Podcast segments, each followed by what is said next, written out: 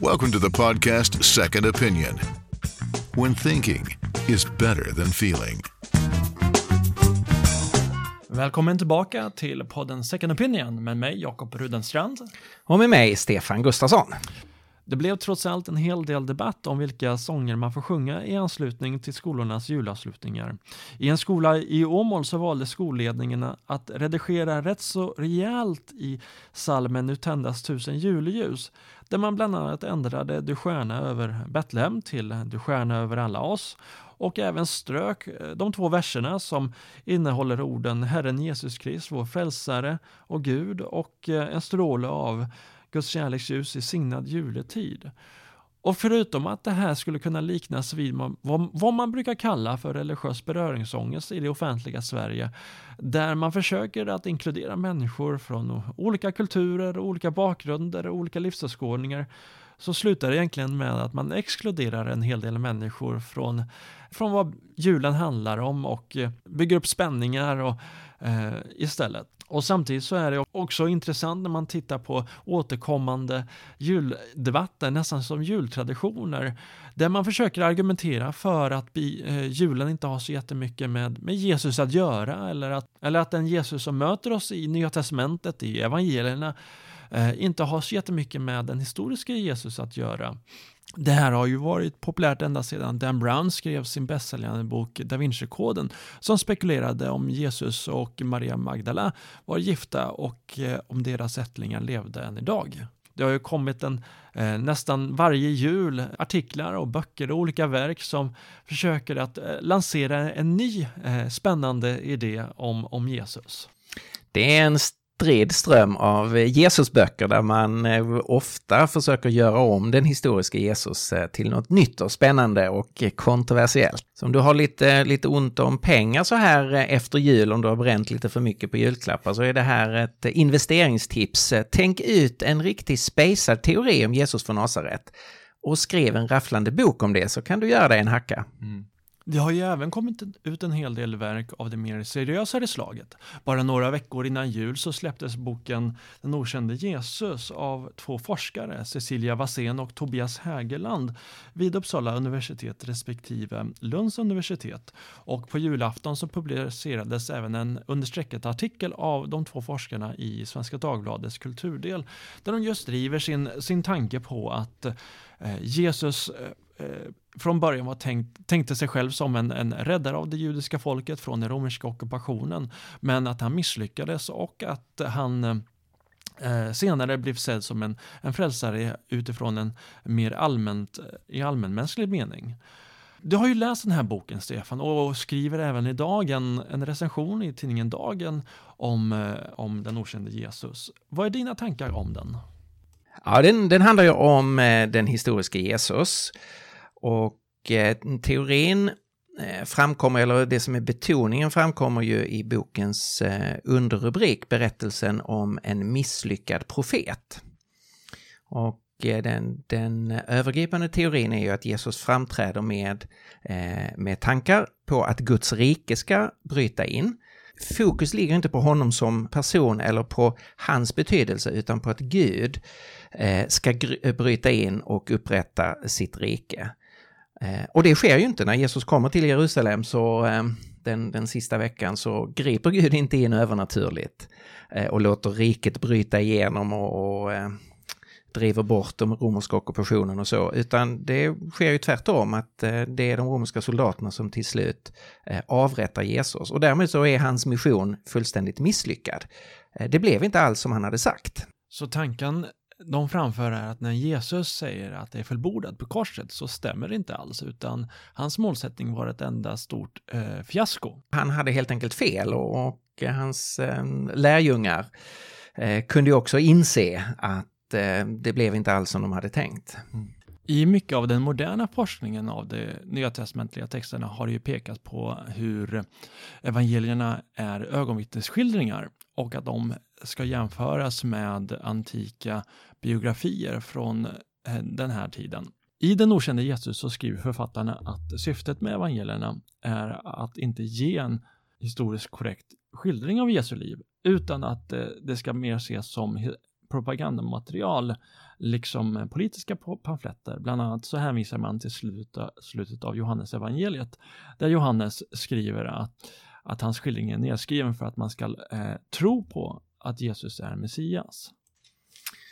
Ja, just det. De, eh, de skriver ju också om att evangelierna idag betraktas som eh, biografier. Det tycker jag är positivt att de lyfter fram det. Samtidigt så tonar de ner eh, eh väldigt starkt att det skulle vara biografier som går tillbaka till ögonvittnen. Och de väljer att, att eh, understryka det som Johannes skriver, att det här är ju skrivet med syfte att väcka tro på Messias. Och så är det ju. De, eh, evangelisterna är mycket öppna med sin agenda. De önskar ju att eh, fler människor ska få upptäcka eh, vem Jesus är. Men då drar författarna slutsatsen att därmed så är evangelierna att betrakta som eh, propagandaskrifter och inte som historiskt material. Men det egendomliga är då att de bara eh, ignorerar inledningen till Lukas evangeliet där ju Lukas anger ett, eh, ett annat syfte. Det står inte i kontrast alls till att väcka tro på Jesus, men eh, där han ju understryker att eh, han har skrivit det här. Han säger så här, att han har fått sin information från ögonvittnen som blev ordet tjänare och efter att grundligt ha satt mig in i allt ända från början har nu också jag beslutat att skriva ner det för dig och det är riktat till mottagaren till evangeliet Teofilos, för att du ska förstå att de upplysningar du har fått är tillförlitliga. Så evangelierna har ju också som syfte att ge tillförlitliga historiska uppgifter. Mm. Eh, men det väljer man faktiskt bara att ignorera. Och är det inte så att också i slutet av Johannes evangelium så gör ju författaren anspråk på att vara ett ögonvittne och förmedlare av faktiska eh, verifierbara händelser. Jo, det finns många ställen i evangelierna där man, man ser att författarna är angelägna om att knyta detta till faktiska platser, eh, till faktiska makthavare, till, eh, till, eh, eh till verkliga händelser. Så att eh, jag tycker att eh, den okände Jesus, den boken, är, är obalanserad här. Eh, att man tar upp Eh, ett av syftena men ignorerar en, en, annan dimension av evangelierna som också är väldigt tydlig. Mm. I, I din recension så påpekar du att författarna utgår från en, en vetenskaplig syn på världen som utesluter allt som är naturvetenskapligt omöjligt. Skulle du kunna utveckla? Mm. Om jag ska börja med något positivt så, så, tycker jag det är väldigt trevligt att, och väldigt schysst att man så rakt och ärligt och tydligt skriver ut sina egna eh, eh utgångspunkter. Eh, det, behöver, det tycker jag man behöver eh, ärligt redovisa och det gör man verkligen om man gör det direkt i de inled, på de inledande sidorna. Det man redovisar sen är ju då å andra sidan eh, mycket problematiskt tycker jag, därför att man blandar samman en vetenskaplig metod med en naturalistisk världsbild. Så redan i utgångspunkten så har man uteslutit varje tanke på under eller det övernaturliga. Så man vet innan man närmar sig materialet att jungfrufödelse kan inte ske, under kan inte ske, eh, Jesus har inte uppstått. Allt det där måste eh, ges en annan förklaring. Eh, och här tycker jag att man i den vetenskapssyn man har så, så är, man, eh, eh, är man problematisk. Eh, när man kopplar det till en speciell, en speciell världsbild.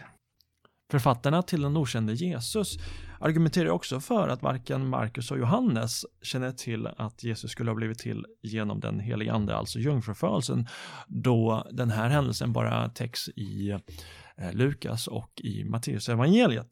De skriver också att eh, Paulus verkar helt ovetande om jungfrufödseln och att eh, det är inga tvivel om att han tar för givet att Jesus skulle ha blivit till genom manlig säd.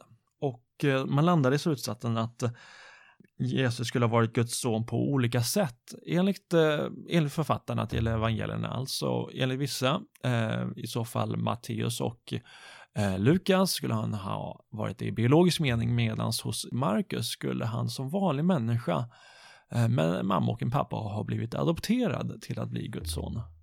Ja, de drar ju här alldeles för snabba slutsatser. Man kan konstatera att varken Markus eller Johannes skriver om eh, Jesu födelse. Markus börjar ju sitt evangelium med eh, Jesus i vuxen ålder när han framträder som offentlig person. Johannes väljer att börja sitt evangelium med med sonens relation, ordets relation till Gud av, av evighet och går för sen från den punkten till eh, Jesus som eh, en vuxen person. Så ingen av dem nämner Jesu födelse eh, eller dess övernaturliga bakgrund.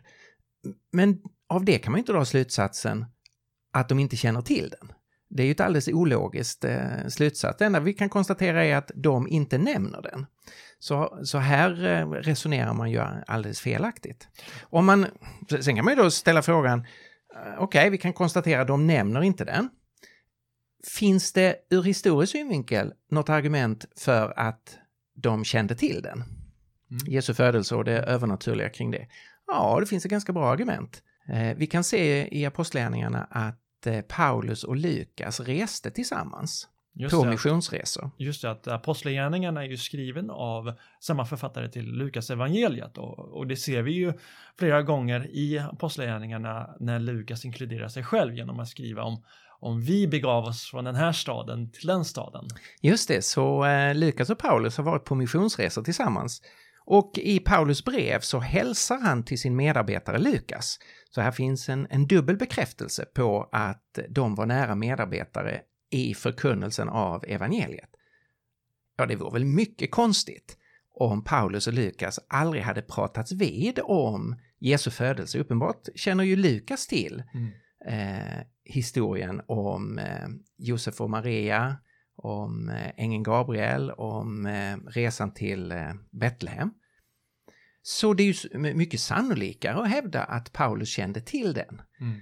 Det går inte att föreställa sig att de har rest på missionsresor och aldrig talat om sin gemensamma tro. Självklart mm. har de gjort det. Och det är väl så också att i de antika biografierna vid den här tiden så la man väl inte så stor tyngdpunkt på en eh, huvudpersons födelse snarare än eh, personens eh, huvuduppgift. Ja, det kan man konstatera att det sätt som till exempel eh, Markus skriver sitt evangelium där han går direkt på den vuxna personen.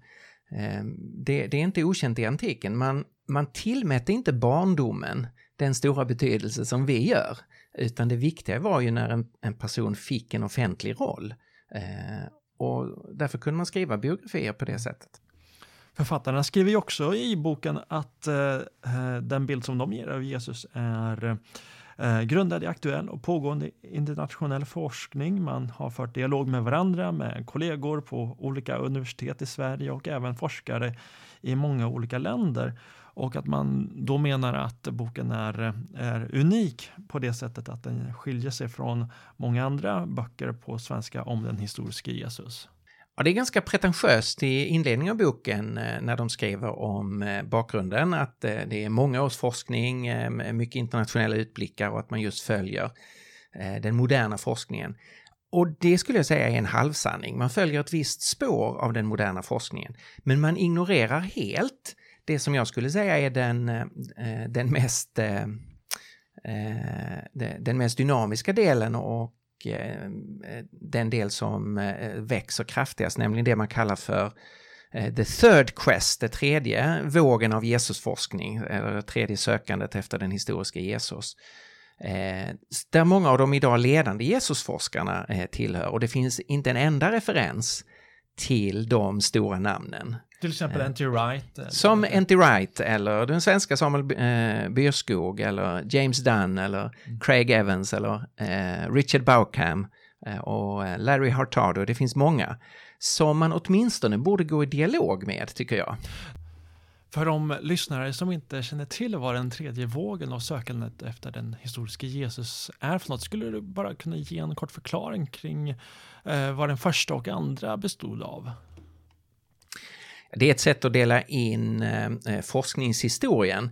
Eh, fram till eh, upplysningen på 1700-talet så eh, kan man säga att det fanns en, eh, en, en, allmän inställning att man tog evangelierna på allvar rakt av som det stod. Eh, men efter upplysningen så börjar ett, ett mer kritiskt historiskt studium eh, där man ska försöka komma bortom källorna för att komma åt den historiske Jesus. Eh, och då har det gått i ehm, i några vågor som man talar om the first quest and the second quest och nu om the third quest. Om ehm, någon lyssnare vill ehm, Eh, läsa in lite mer på det, det är enkelt att söka på nätet och hitta information, eller om eh, kan man läsa i, eh, i min bok Skeptikerns guide till Jesus del 1, där jag kortfattat säger någonting om, om detta. Mm. I bokens sista kapitel så kommer författarna in på det som är själva kärnan i den kristna tron, nämligen Jesu uppståndelse från de döda.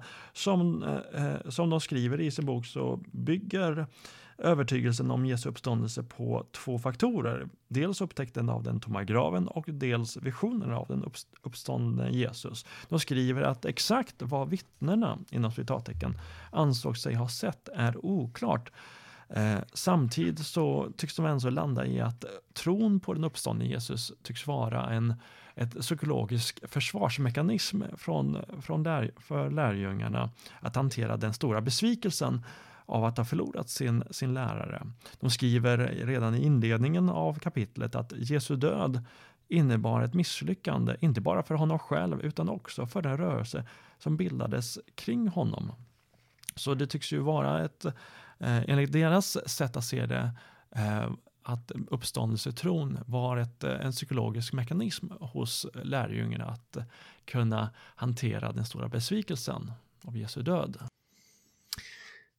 Ja, de, de, jag skulle säga att de, de skriver ju förvånansvärt lite om uppståndelsen. Och det gör de ju därför att de redan från början har avskrivit den och är därför inte intresserade av att, av att undersöka speciellt ingående vad säger det historiska materialet om händelserna efter eh, Jesu avrättning. Eh, därför är det ganska, ganska kortfattat samtidigt som det ju är helt avgörande förstås för, eh, för kristen tro hur man ska tänka kring och, och, förstå vad som, vad som hände, hände efteråt.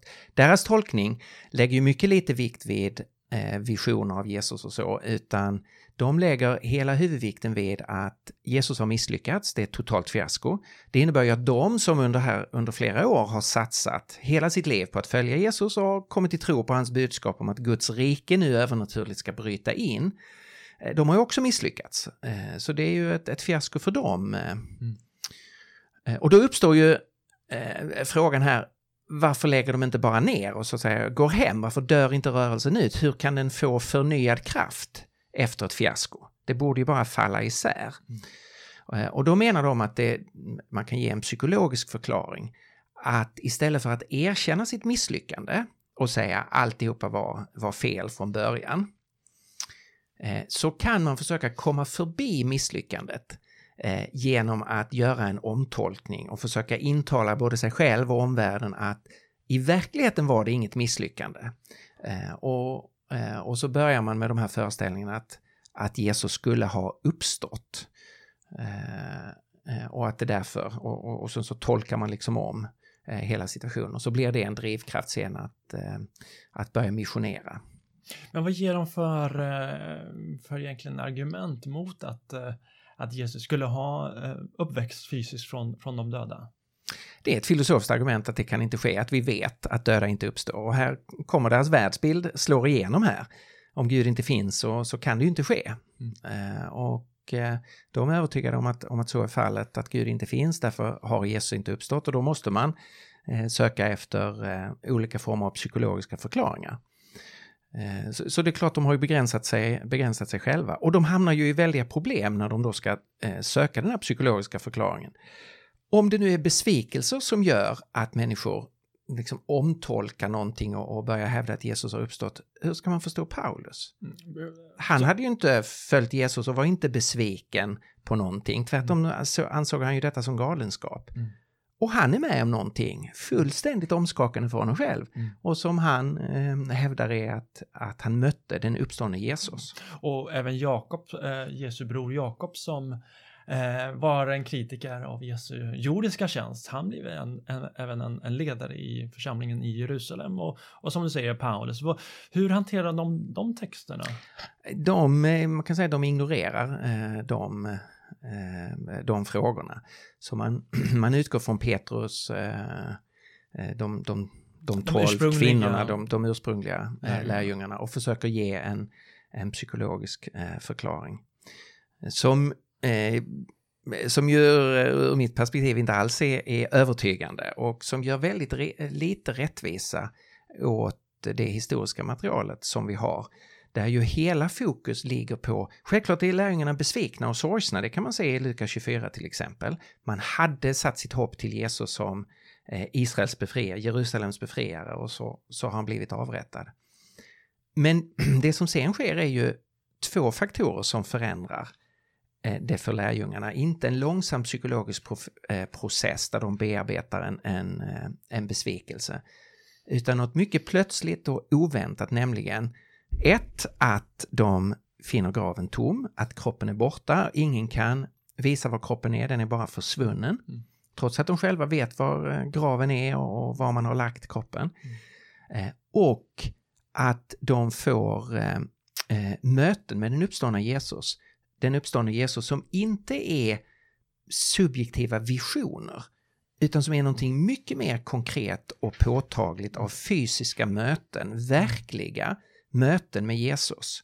Eh, och det är de här två punkterna tillsammans som vänder hela situationen. Det är rakt igenom det historiska materialet i de olika källorna vi har så, så ligger hela fokus där. Mm. Så de, de tvingas ju att ignorera historiematerialet för att kunna lansera mm. Eh, menar jag, för att lansera sin omtolkning. Mm. I, I boken så skriver de så här att flera av skildringarna, alltså av den uppståndne Jesus, är mycket knapphändiga och källorna ger motstridiga upp, uppgifter om när, var och i vilken ordning dessa upplevda möten eh, ägde rum.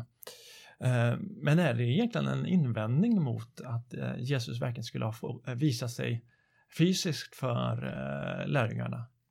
Nej, jag tycker inte det. Här igen så, eh, så slirar de, de historiska resonemangen att, eh, att uppgifterna är knapphändiga är ju i sig inget argument för att det inte har skett. Det, det finns ju en, ingen definitiv koppling däremellan. Dessutom är de inte så knapphändiga. Vi har fyra evangelier, vi har Paulus brev. Det är inte så lite källmaterial. Så sammantaget eh, så har vi Eh, en, hel del, eh, en hel del uppgifter. Påståendet att de är motstridiga eh, skulle jag säga är också att de överdriver eh, var i eh, man kan se att eh, källorna skulle vara motstridiga. Eh, de, de utgår mer från att det är så istället för att visa att det verkligen finns, finns motsägelser. Så anser du att den här boken ger något nytt perspektiv kring den historiske Jesus från Nasaret utifrån hur vi ska förstå honom från källmaterialet i, i Nya Testamentet? Nej, det kan man inte påstå. Ehm, det här är, det här är perspektiv som har funnits med i, i den teologiska diskussionen under 1800-talet och 1900-talet, men är inte idag eh, de dominerande perspektiven. Och jag tycker i, i slutändan så är det, så handlar det ju här om eh, frågan, blir Jesus begriplig? Faller det historiska materialet på plats? Förstår vi personen Jesus? Det är ju ändå, med Jesusforskning så måste det ju handla om det. Världens mest inflytelserika person. Är det porträtt som tecknas av honom? Ehm, är det ett, ett trovärdigt, eh, trovärdigt eh, porträtt. Och jag tycker en av de grundläggande liksom, frågorna här det är att man helt, man helt tonar ner Jesu Eh, eh, anspråk angående sig själv. Man, man menar att den historiska Jesus hade fokus på riket och han, han själv hade en eh, hade förstås en roll eh, för det rikets inbrytande. Men eh, fokus ligger ändå på själva riket. Mm. De, de kallar ju honom en lärjunge till Johannes döparen i, eh, i, i boken. Så de försöker gör, antagligen att göra honom till en, en, en vanlig efterträdare till Johannes döparen ah, efter att han dog. Mm. Så han eh, blir ju därmed en i raden av en, en form av profeter som proklamerar eh, Gudsriket och att han nu proklamerat inte bara det som ett, ett löfte utan att det nu faktiskt bryter in. Men det som är, det som är, tycker jag, det riktigt påfallande om man läser det historiska materialet, det är ju att, eh, att fokus är så mycket på Jesu person. Han talar mycket om riket, men det är, det är på ett absolut sätt knutet till hans egen person. Det är han som är kungen i det riket. Och allt som har med riket att göra har med honom att göra. Därför att han själv är eh, identifierad med Israels Gud på ett helt unikt sätt. Och här tycker jag att de tonar ner eh, Eh, Jesu anspråk angående sig själv och det liksom provocerande som hela tiden fanns runt Jesu person och som jag tycker i alla lager av det historiska materialet finns där, att det är Jesu person som är eh, det provocerande och det fantastiska. Hanterar man på något sätt de här texterna där Jesus själv är så provocerande när han talar om sig själv eh, i termer som Människosonen och gör klara hänvisningar till Daniels bok om den människoson som, som, som figurerar där och löften om att Gud själv ska komma till jorden eh, och att han identifierar sig själv med Gud. När man, eh, man utgår från, och det här är en gammal teori, en, en evolutionistisk eh, kristologi, alltså att läran om eh, Jesu person eh, utvecklades långsamt och gradvis och att bekännelsen till Jesus som eh, som Guds son, som gudomlig i, i unik mening att det är någonting sent som inte går tillbaka till Jesus och inte går tillbaka till hans ursprungliga lärjungar utan kommer i generationerna efter. Eh, där man så att säga börjar blåsa upp bilden av Jesus och göra honom till något större och något mer än vad han själv någonsin gjorde anspråk på. Han blir levlad upp som man brukar säga. Han blir uppgraderad. uppgraderad. Eh, han blir uppgraderad och blir Gud liksom långt efter sin, sin död.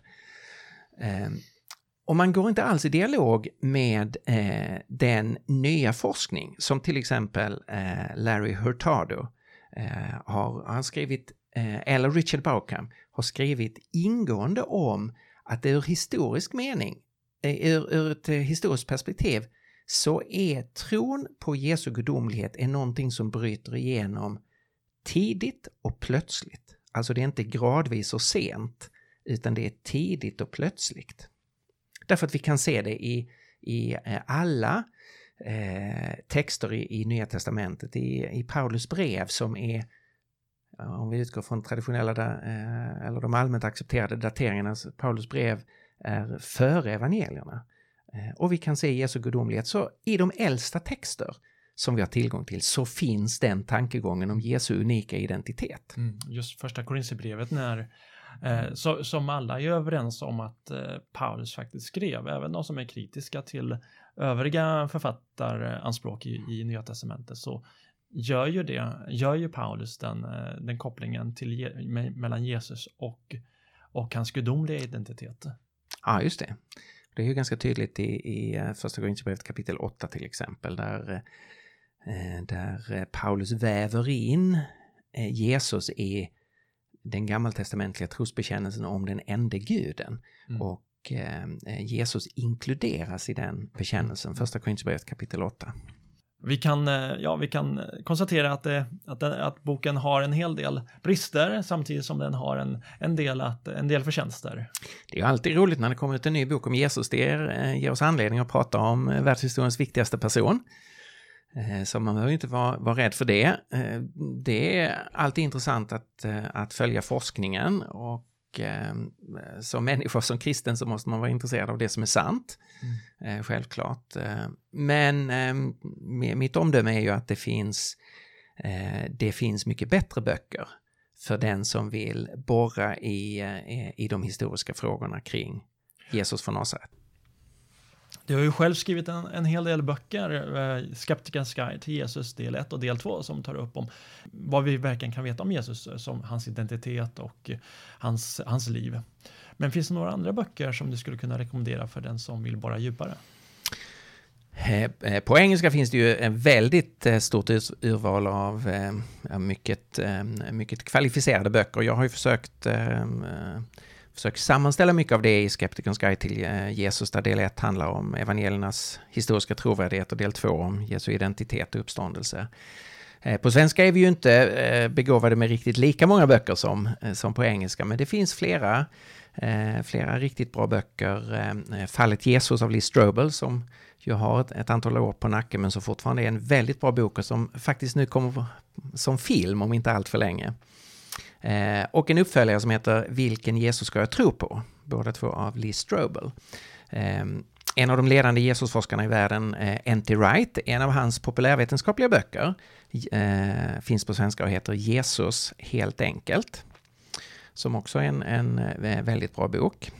Far och son McDowell, Josh and Sean McDowell, eh, har gett ut en bok som heter Mer än en snickare, som också är en, en eh, väldigt bra bok. Så det finns en hel del material för den som eh, eh, för den som vill ge sig i kast med de här frågorna.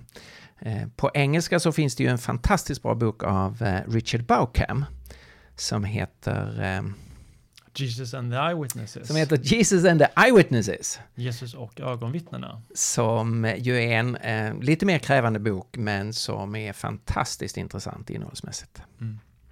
Okej, vi lär ju såklart återkomma till eh, fler frågor som rör den historiska Jesus, men eh, vi får önska våra lyssnare ett gott nytt år.